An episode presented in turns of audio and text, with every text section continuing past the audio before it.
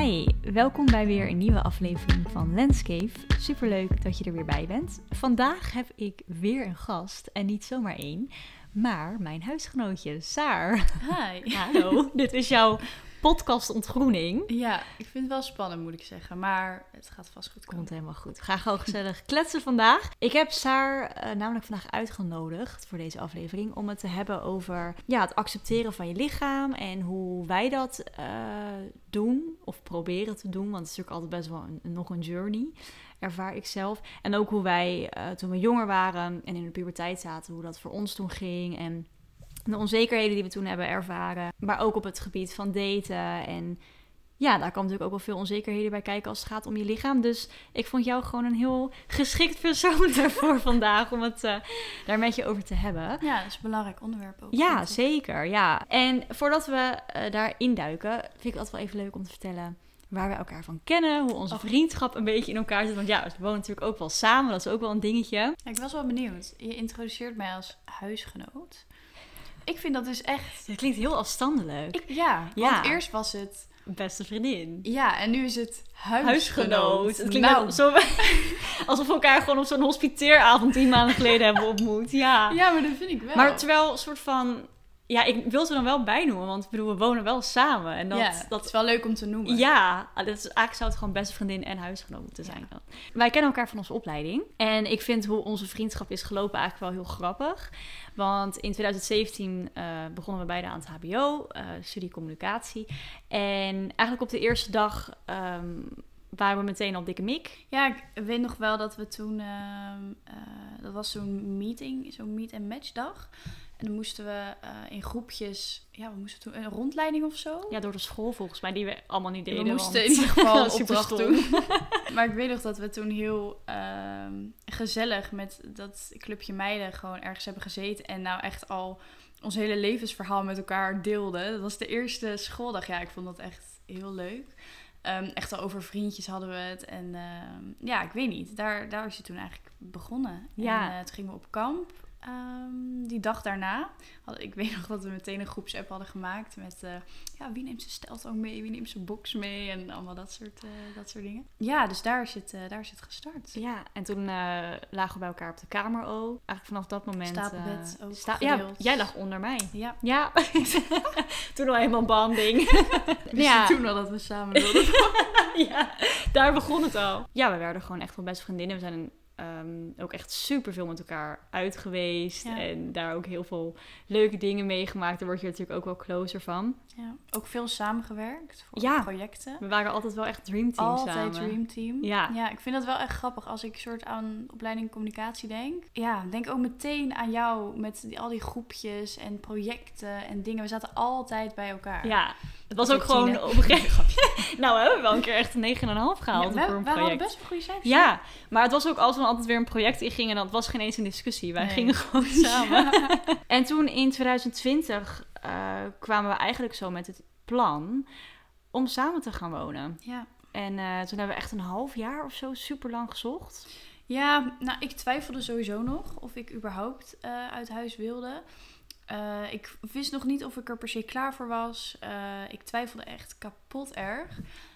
En toen op een dag dacht ik, nou, als ik dit niet doe, dan ga ik daar zo ontzettend veel spijt van krijgen. En toen heb ik gewoon besloten om het te doen. Ik had gewoon scheid. Ik dacht, ja, als ik dit niet doe, dan. Nou. En heb je spijt? Ja, kapot. nee, nee, echt, echt niet. Ik had, hmm. als ik, ja, dat ik voor geen goud willen missen, echt de beste keuze ever geweest. Ja, maar toen inderdaad gezocht. Maar dat ging toch best wel snel, heb ik het idee. Nou, ja, jij bent natuurlijk niet helemaal bij die zoektocht geweest. Want uh, ons andere huisgenootje M, en ook beste vriendin overigens. Ik wilde het niet zeggen, maar... uh, we hebben ook heel lang met z'n twee gezocht. En dat was nog wel echt even een hele zoektocht. En jij bent toen natuurlijk later ook nog aangehaakt. Ja, toen vond ik binnen een dag een huis. ja, nou trouwens, ja, jij hebt dit huis gevonden. Via Facebook. Ja, ja, super grappig. Moet je nagaan als jij niet was aangehaakt waren. En ben ik nog aan het zoeken. Oh my god. Nee, dus inderdaad van uh, studiegenootjes naar naar huisgenootjes. Ja. dus dat is wel een stap. En um, eigenlijk sindsdien alleen maar closer geworden. En we hebben elkaar echt op de meest lelijke momenten gezien. De meest mooie momenten, de meest verdrietige momenten. Nee, je maakt elkaar in elke staat natuurlijk mee. Ja, ik denk dat onze band wel, uh, wel echt beter is geworden. Omdat je gewoon, eh, ja, wat je zegt, je krijgt alles mee van elkaar. Slechte dingen, maar ook echt de leuke dingen. En eh, dat vind ik wel echt iets heel moois. Ja, nee, absoluut. Ben ik het helemaal mee eens. Nou, laten we maar beginnen over ehm, De orde van de dag. de orde van de dag. Ik dacht, laten we eerst even teruggaan naar de middelbare schooltijd. Dit was voor mij wel echt een tijd waarin ik denk ik het meest onzeker was over nou echt letterlijk alles.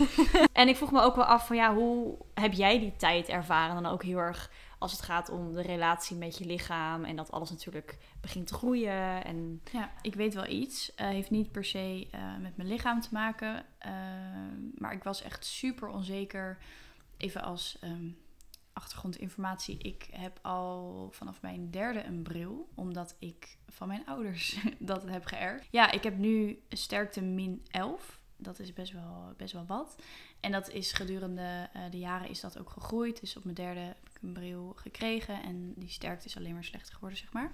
Eh, dus ik draag ook al heel mijn leven eh, een bril. En eh, gek genoeg vond ik het vroeger super spannend om die bril af te doen. Ik ehm, ja, kende mijn gezicht alleen maar met bril. Nou, mijn ogen leken veel kleiner als ik mijn bril op had. En dat zorgde ervoor dat mijn gezicht ook anders eruit zag. Dus ik zag er gewoon veel, ja, gewoon heel anders uit zonder bril. Ja, daarom vond ik het gewoon heel spannend om eh, die af te zetten, omdat ik mezelf zo niet kende. En ik weet nog heel goed, in de eh, vierde klas van de HAVO eh, gingen wij op surfweek. En toen hoorde ik ook een, een jongen zeggen: Ja, ik vind Sarah echt knap, maar alleen met bril. Nou, die tekst heeft echt nog jaren in mijn eh, hoofd gespookt. Ik weet nog wel, ik heb toen op een gegeven moment eh, ging ik naar de opticien voor lenzen. Omdat ik dacht, ja, ik wil gewoon in de zomervakantie lekker eh, lenzen dragen. Ik was toen trouwens 14 of zo, zoiets. Die deed ik toen voor het eerst in bij de opticien. En toen zag ik dus voor het eerst mijn gezicht. Want ik kon nooit, als ik mijn bril opzette, als ik wakker werd, ja, ik zag gewoon niks. Ik kon niet in de spiegel kijken en mijn gezicht normaal zien. dus zag je toen voor het eerst in jaren je eigen gezicht zonder bril. Zeg Nou maar ja, scherp. Scherp, ja. Omdat ik kan Oh, wel heel... bizar. Maar Ja. Daar kan ik me echt niks bij voorstellen. Nee, was, was heel raar. En ik weet nog wel dat ik echt in huilen uitbarstte. Omdat ik het Oh. zo... Ja, niet dat ik dacht, jezus, wat een kop. maar, dat, Het zou echt wat zijn. maar gewoon omdat ik het zo... Ik was gewoon heel, naar mijn idee, heel anders. En dat, dat vond ik gewoon heel heftig. En eigenlijk pas een jaar geleden of zo, dat ik pas gewoon met een zelfverzekerd gevoel zonder bril de deur uitga. En dat vind ik heel bizar om te beseffen. Dat Ja. dat gewoon zo'n grote onzekerheid altijd is geweest. Ja. En als ik het nu zo vertel, is het, het is ook echt een onzekerheid geweest. Ik vond het gewoon echt spannend. Ik was ook bang dat niemand me her- zou herkennen. Als ik op straat zou lopen, dat, dat ik dan hooi zou zeggen tegen iemand. Dat, dat diegene echt denken, wie de fuck ben jij? Wie is dat? Ja. Ja. Ehm, ja, dus dat eigenlijk. Dat is wel echt vroeger een super grote onzekerheid geweest. Eh, nu ben ik er eigenlijk wel van af. Ik kan misschien wel zeggen dat corona daar ook wel een groot Mm. eh, onderdeel eh, of grote factor van is geweest. Omdat ja, ik heb gewoon zoveel meer scheid gekregen aan alles. Dat ik gewoon dacht, ja, het kan mij echt verrot als iemand mij niet herkent. Ja, eh, het boeit me gewoon niet. Ja. En wat ik wel altijd heel sneu vind aan dit verhaal, en dat zei net ook al, die opmerking die je had gekregen in 4 HAVO, eh, die is jou altijd bijgebleven. Dat was in mijn beleving ook wel een van de redenen waarom je zo lang ook onzeker bent geweest door het niet dragen van je bril. Ja, omdat ik dacht, nou, als hij dat vindt, dan vindt iedereen dat. Ja. Dus dan doe ik die bril nooit meer af. En dat is, nee, maar dat is eigenlijk zoiets bizars, want waarschijnlijk weet hij dat helemaal niet meer dat hij dat heeft gezegd. En dat één opmerking zo lang bij je kan blijven. Dat is eigenlijk echt wel iets heel, eh, heel bizars. En dat eh, laat je ook al beseffen van... je moet zo erg opletten met wat je zegt. En ook vooral als het gaat om iemands uiterlijk of, of je lichaam. Of, Ja, ja, dat blijft gewoon forever bij je. zeker. En ehm, dat is op zich ook wel iets waar ik me bij wil aansluiten. Want ik was toen ik 12, 13 was, of voor die leeftijd, was ik ook nog helemaal niet echt bezig met mijn lichaam. En ik was ook niet per se onzeker over. En ja, wat jij ook zoiets had, weet je wel. Gewoon, ehm, ja, je deed gewoon, je keek er niet echt naar. Ik was ook niet echt bezig überhaupt met mijn uiterlijk of make-up dragen. Of het boeide me allemaal niet zoveel. Maar toen ik op een gegeven moment eh, in de tweede zat van de middelbare school, kreeg ik eh, heel veel opmerkingen over mijn lichaam. Van mensen die zeiden dat ze me heel dun vonden. En dat het leek alsof ik een eetstoornis had. En toen eigenlijk vanaf dat moment ben ik naar mijn lichaam gaan kijken van... Huh, maar is er dan wat mis mee? Ik kon dus nooit zien dat ik heel dun was. Ja, ik wist wat ik dun was, maar soort van niet in die zin dat mensen echt dachten, jeetje, ga eens wat eten. Dat heeft er uiteindelijk voor gezorgd dat ik er heel erg onzeker van werd. En zoiets had van, oh, maar moet het dan anders? En, en kom ik dan niet, ja, vinden mensen mij dan niet aantrekkelijk? En ehm, dat is mijn hele middelbare school ook wel echt een struggle voor me geweest. Wat heel veel mensen altijd bij mij deden, is dat ze dan uh, mijn polsen gingen vastpakken. Dus dan had ik een shirtje aan. Wat? En dan pakten ze mijn polsen vast. En zeiden ze van, nou, uh, één draai en ik breek hem. Dat meen je niet? Ja. Wow, dat, wist ik Dat is eigenlijk het eerste wat mensen altijd bij me deden. Uh, want mijn polsen zijn altijd al heel dun geweest. En het is dus blijkbaar ook genetisch bepaald. Dat als je dus uh, heel slank bent gebouwd, zijn je polsen en je enkels vaak gewoon dun. Dat kan je vaak aan zien, zeg maar. Nou ja, je kan er niet zoveel aan doen. Dus Nee, ja, ik kan ja. zoveel eten als ik wil, maar mijn polsen die komen niet per se aan, zeg maar. Ik kan me dat echt niet... Ik zie dat echt niet voor me, dat mensen dat gewoon doen. Ik weet nog toen ik op een gegeven moment echt ben gaan sporten en ben gaan aankomen. Uh, dat had ik trouwens ook niet echt heel erg door, want ik kwam heel langzaam aan. En als je jezelf elke dag in de spiegel ziet, dan zie je ja, niet echt progressie, zeg maar. Uh, maar op een gegeven moment stopten mensen met opmerkingen om me heen. Dus ook als ik nieuwe mensen ontmoette, dan zeiden ze niet meteen van... oh, ben jij dun of ga eens wat eten? Of... En toen dacht ik van, oh, hé, hey, wat ik doe werkt blijkbaar wel. Ja. Weet je wel, ik kom dus blijkbaar wel aan. Uh, want ik stond ook nooit op de weegschaal of zo. En dat ja, vermeed ik heel erg. En uh, toen op het mbo had ik er ook nog wel veel last van. Ook dat docenten naar me toe kwamen van... Uh, ik weet nog heel goed, ja, hij bedoelde het heel lief voor. Toen zat ik in de les en toen kwam mijn mentor naar me toe. Die zei, weet je wat helpt? Vette vis. Je moet ook gewoon lekker wat meer vlees eten. Nee, dat meen je Gewoon oh, uit het waarom? niets. En ik oh had zoiets van, mag ik alsjeblieft gewoon Jezus. werken? Ja, ik vond het echt wel heel confronterend. Want ja, ik, snap ik. ik at echt alles wat los en vast zat. En kijk, ik ben niet een hele grote eter. Maar ik at wel echt gewoon. En Ja. ik heb ook nooit een slechte relatie gehad met eten. En uh, vooral op het mbo deed ik echt heel erg moeite om aan te komen. Dat het uiteindelijk ook zelfs een obsessie van me werd. En als mensen dan die opmerkingen blijven maken, ja, dat is gewoon super kwetsend. Ja. Dus uh, ja, maar nu ben ik ook in die fase. Nou, sowieso ben ik gewoon heel blij met mijn lichaam. En uh, ben ik ook in die tijd uh, 9 kilo aangekomen. Dus dat is natuurlijk ook wel echt een verschil. Ik merk ook nu hoe ouder ik word, hoe meer uh, ja, rondingen ik krijg. Mijn lichaam houdt meer vet vast. Nou, dat vinden heel veel mensen heel naar. Ik vind dat heel fijn. En ik had toevallig laatst weer voor het eerst sinds echt, nou misschien wel twee jaar, weer een YouTube comment. Die zei, Oh. ik volg je al sinds 2016 en ik zie je elk jaar magerder worden. Wil je alsjeblieft weer wat gaan eten? Oh, maar wat denken die mensen als ze dat commenten? Ja. Ik snap dat Nou ja, echt niet. Het, het, wat ik altijd een soort van het moeilijker aan vind, is ik weet dat veel mensen het uit een soort bezorgdheid zeggen. Het, het blijft dan toch steken of zo. Dus ondanks dat het me niet meer zoveel boeit en ik gewoon weet dat ik gezond ben en gewoon heel gezond leef. Vooral nu ook met corona, nu we ook een tijdje niet meer naar sportschool kunnen. Ik weet dat ik ook wat ben afgevallen, want ja, ik kom aan van spier en niet van eten of heel moeilijk van eten. En ja, ik ben gewoon spiermassa verloren, dus ik ben ook wel dunner weer. Ja. En dan zit je daar al mee. En als je dan ook nog eens zo'n comment krijgt, ja, dat is gewoon heel lastig. Ja, Ja. snap ik. Jij doet natuurlijk YouTube al super lang. Ehm, jij krijgt d- denk ik ook super lang al eh, minder leuke reacties. Er zijn echt niet mensen die alleen maar zeggen: Oh, leuke video, leuk, je zit je haar leuk, eh, wat zie je er goed uit. En dat vind ik heel knap hoe je daarmee om kan gaan. Ik zou echt niet, ik weet niet of ik dat aan zou kunnen. Misschien dat je dat gedurende eh, jaren wel leert. Maar als iemand dit ook nog tegen me zou zeggen op dit moment, nou, ik zou dat echt, ik zou dat echt niet, eh, niet trekken, denk ik. Dat vind ik gewoon knap hoe jij dat, eh, zeker ook, ja, echt in die puberteitfase. Als je dan van die haatreacties krijgt, ja, dat doet zo ontzettend veel met je. Dat, ja, vind dat gewoon heel knap. Ja, dat is lief van je.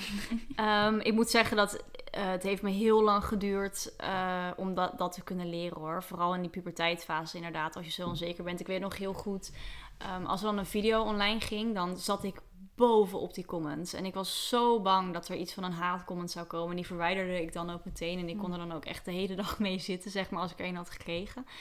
En toen ik wat ouder werd, ik denk een jaar of 16, 17 of zo, had ik op een gegeven moment echt zoiets van... Len, laat het los. En als je ook gaat begrijpen dat mensen vaak haatcomments plaatsen uit jaloezie... of omdat ze zelf niet lekker in hun vel zitten. Als je ook het motief erachter begrijpt, dan opeens doet het ook veel minder met je. Omdat je zoiets hebt van, hé, hey, jij staat daar, ik sta hier... en ik ga nu niet mijn dag laten verpesten door jouw comment. Ja, dat leer je gewoon. En wat ik wel ook weer het mooie daaraan vind...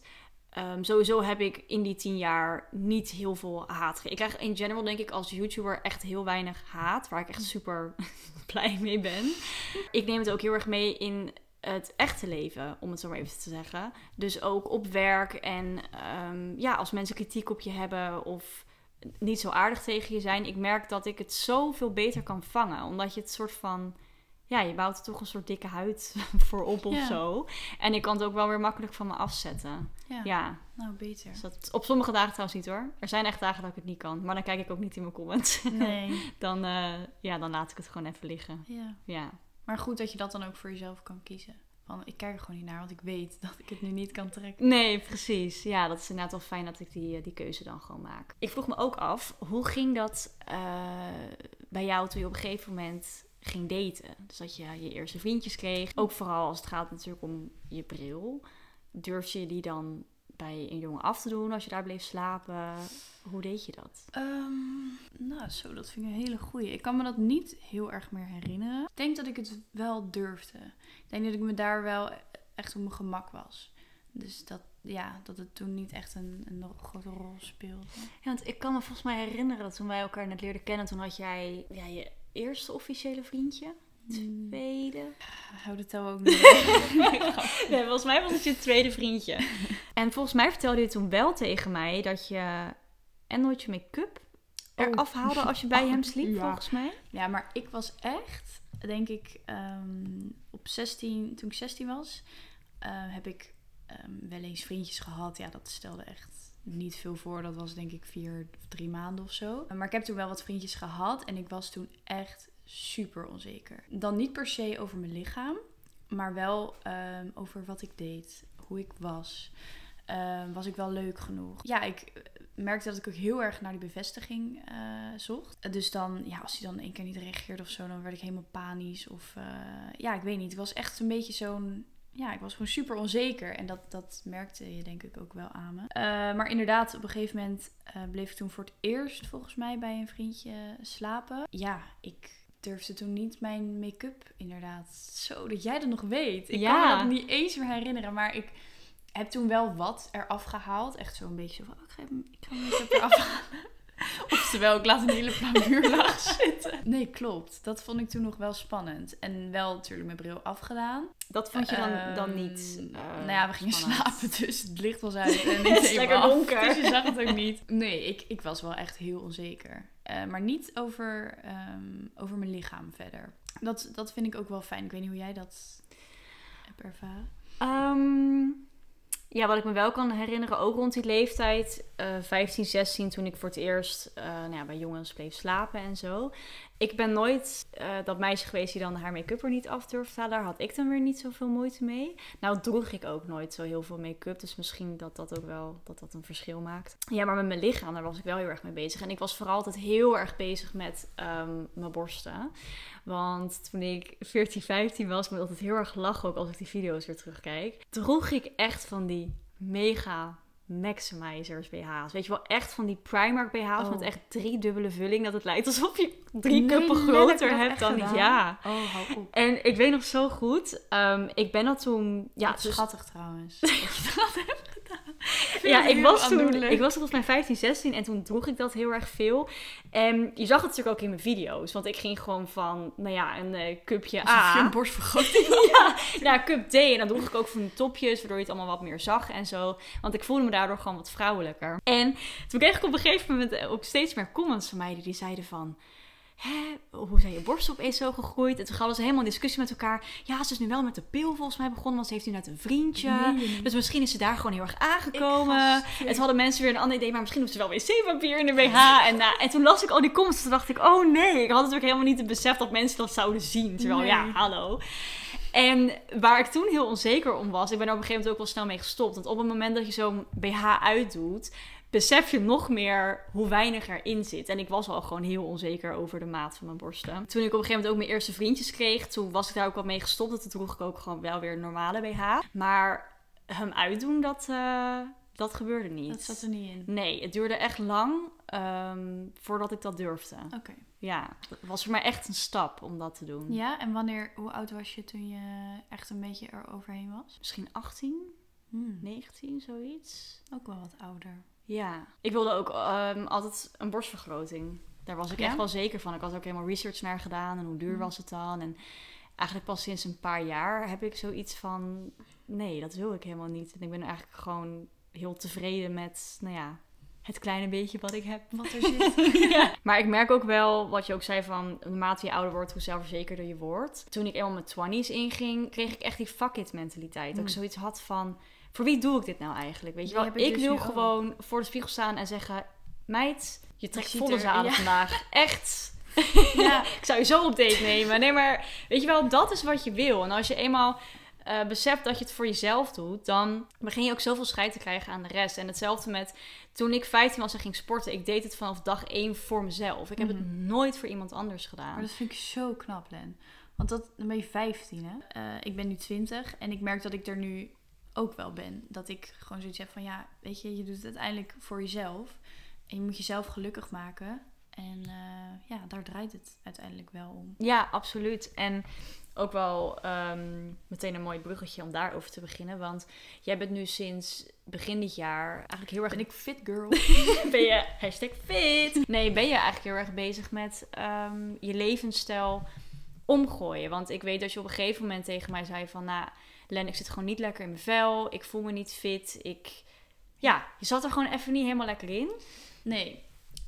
Nee, ja, klopt. Ik, ehm, Ik eh, voelde me gewoon hartstikke kut. Ja, nee, ik zat gewoon echt totaal niet lekker in mijn vel. Ja, ik voelde me niet fit. Ik was nul bezig met sporten. Ik deed letterlijk niks. Ja, ik heb een abonnement bij Fit for Free, maar kan ik dat trouwens zeggen?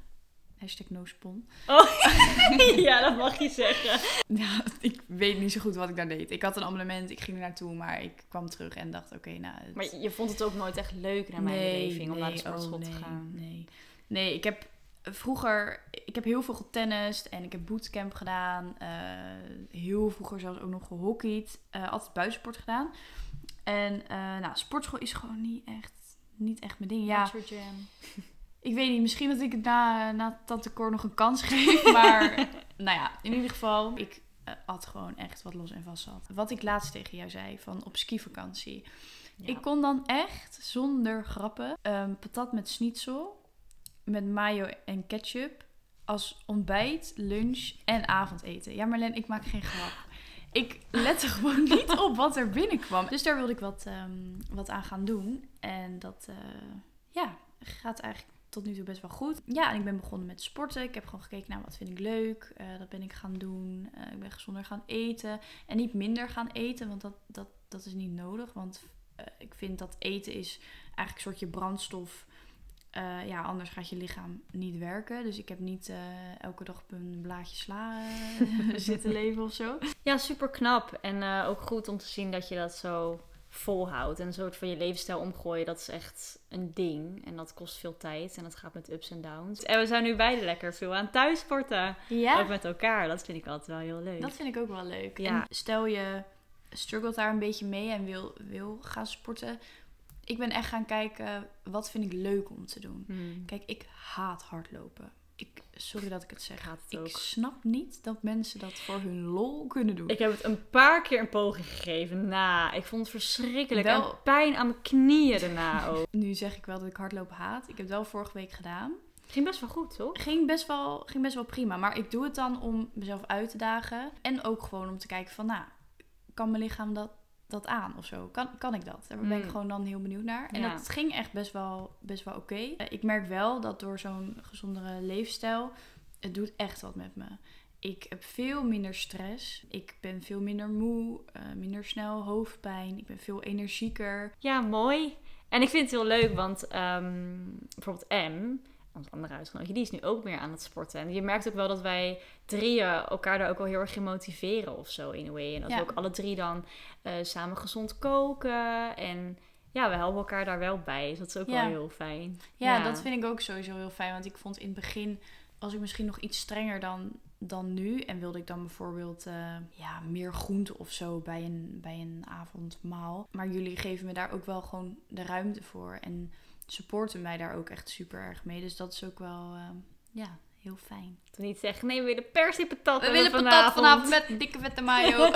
je bekijkt het maar lekker met je gezonde dieet. ja, een van de ehm, tips die ik wil meegeven, die mij ook heel erg helpen met ehm, het accepteren van mijn lichaam. Want Natuurlijk eh, ik ben wel echt zelfverzekerd. En ik kan zeggen dat ik ook echt wel van mijn lichaam hou en dat ik het omarm. Maar natuurlijk zijn er dagen dat je in de spiegel kijkt dat je denkt, nou, ik had wel graag dingen anders willen zien. En dat is denk ik heel normaal. Een van de dingen die mij heel erg helpt, is dat ik ben gaan stoppen met mezelf vergelijken met anderen. En dan vooral op social media.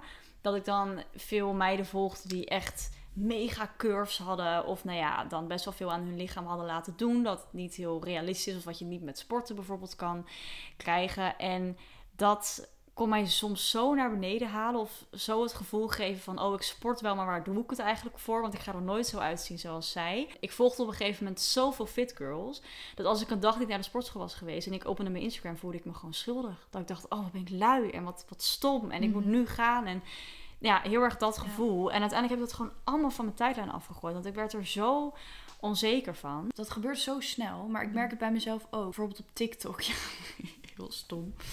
Als ik daarop zit en ik zie iemand eh, met prachtige benen, dat ik dan denk, oh, die wil ik ook. Ja, dat is zo verleidelijk om dan te denken, oh, dat wil ik ook. Dus ik ga nu naar de sportschool. Ik ga nu broccoli eten vanavond.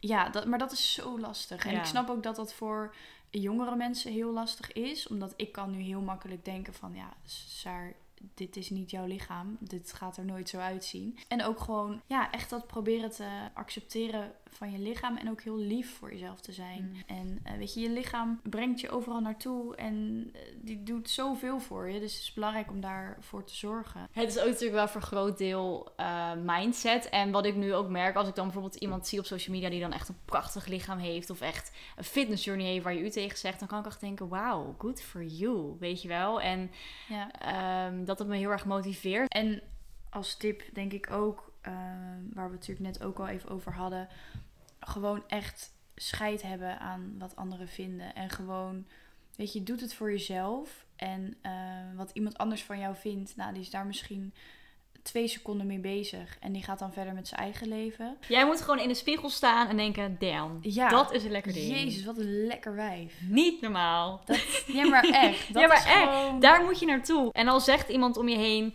uh, wat anders. Nee, jij moet geloven dat je er mag zijn. En als jij dat ook gelooft, dan ga je dat ook uitstralen.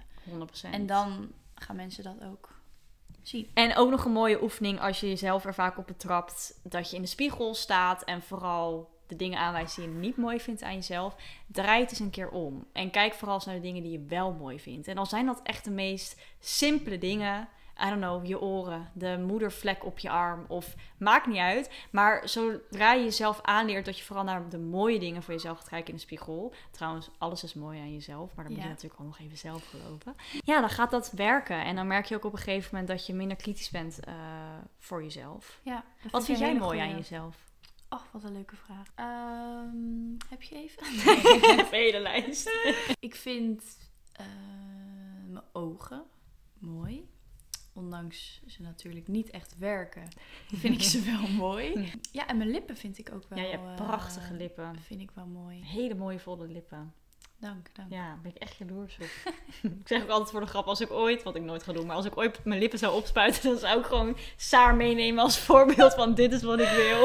oh, uh, ik ben ook heel blij met mijn uh, ogen en met mijn wimpers, want die zijn heel lang. Ik ja. ben ook heel blij met mijn huid. Ik mag echt ermee in mijn handen knijpen. Want Jaloers. ik heb ja, gewoon, gewoon wel een mooie huid, vind ik zelf. En het gekke is dus dat ik dus nu mijn borsten een van de mooiste dingen vind aan mijn lichaam. Maar misschien oh. komt het omdat ik juist zoveel moeite heb gehad ermee. En juist zo eraan heb gewerkt om het te accepteren. Dat ik ze nu zo erg omarm. Dat ik echt denk, nou... Ja, maar dat is toch super mooi? Ja. Dat je het zo hebt kunnen omdraaien. Ja. Nou, wat een positief gesprek om af te sluiten. Ja. ik hoop dat je het leuk vond om te luisteren en dat je met een lekker fijn gevoel deze podcast afsluit. Dat je gewoon even stilstaat en gewoon denkt van, nou, ik ben mooi. Ik, ik mag, er, zijn. zijn. Meid, als je nu een spiegel voor je hebt, ga ervoor staan. Jezus, noem een of andere gekke therapie. Noem drie dingen nu die je mooi vindt aan jezelf nu. Wij wachten wel. nee, maar all jokes aside. Um, ik vond het heel leuk om met jou te doen. Heb ik het wel Nee, verschrikkelijk. Ach, ik ga alles eruit knippen. Ik Tuurlijk heb je het goed gedaan. Ik vraag het altijd als ik met jou iets heb opgenomen. Heb ik het goed gedaan? ja, ik schattig. Nee, je hebt het hartstikke goed gedaan. En ik vond het een heel fijn gesprek. En ik ook. Ik voel me helemaal positief en ik, fijn. ook, ik kan de hele wereld aan. Ja, echt. Kom maar op. Jezus.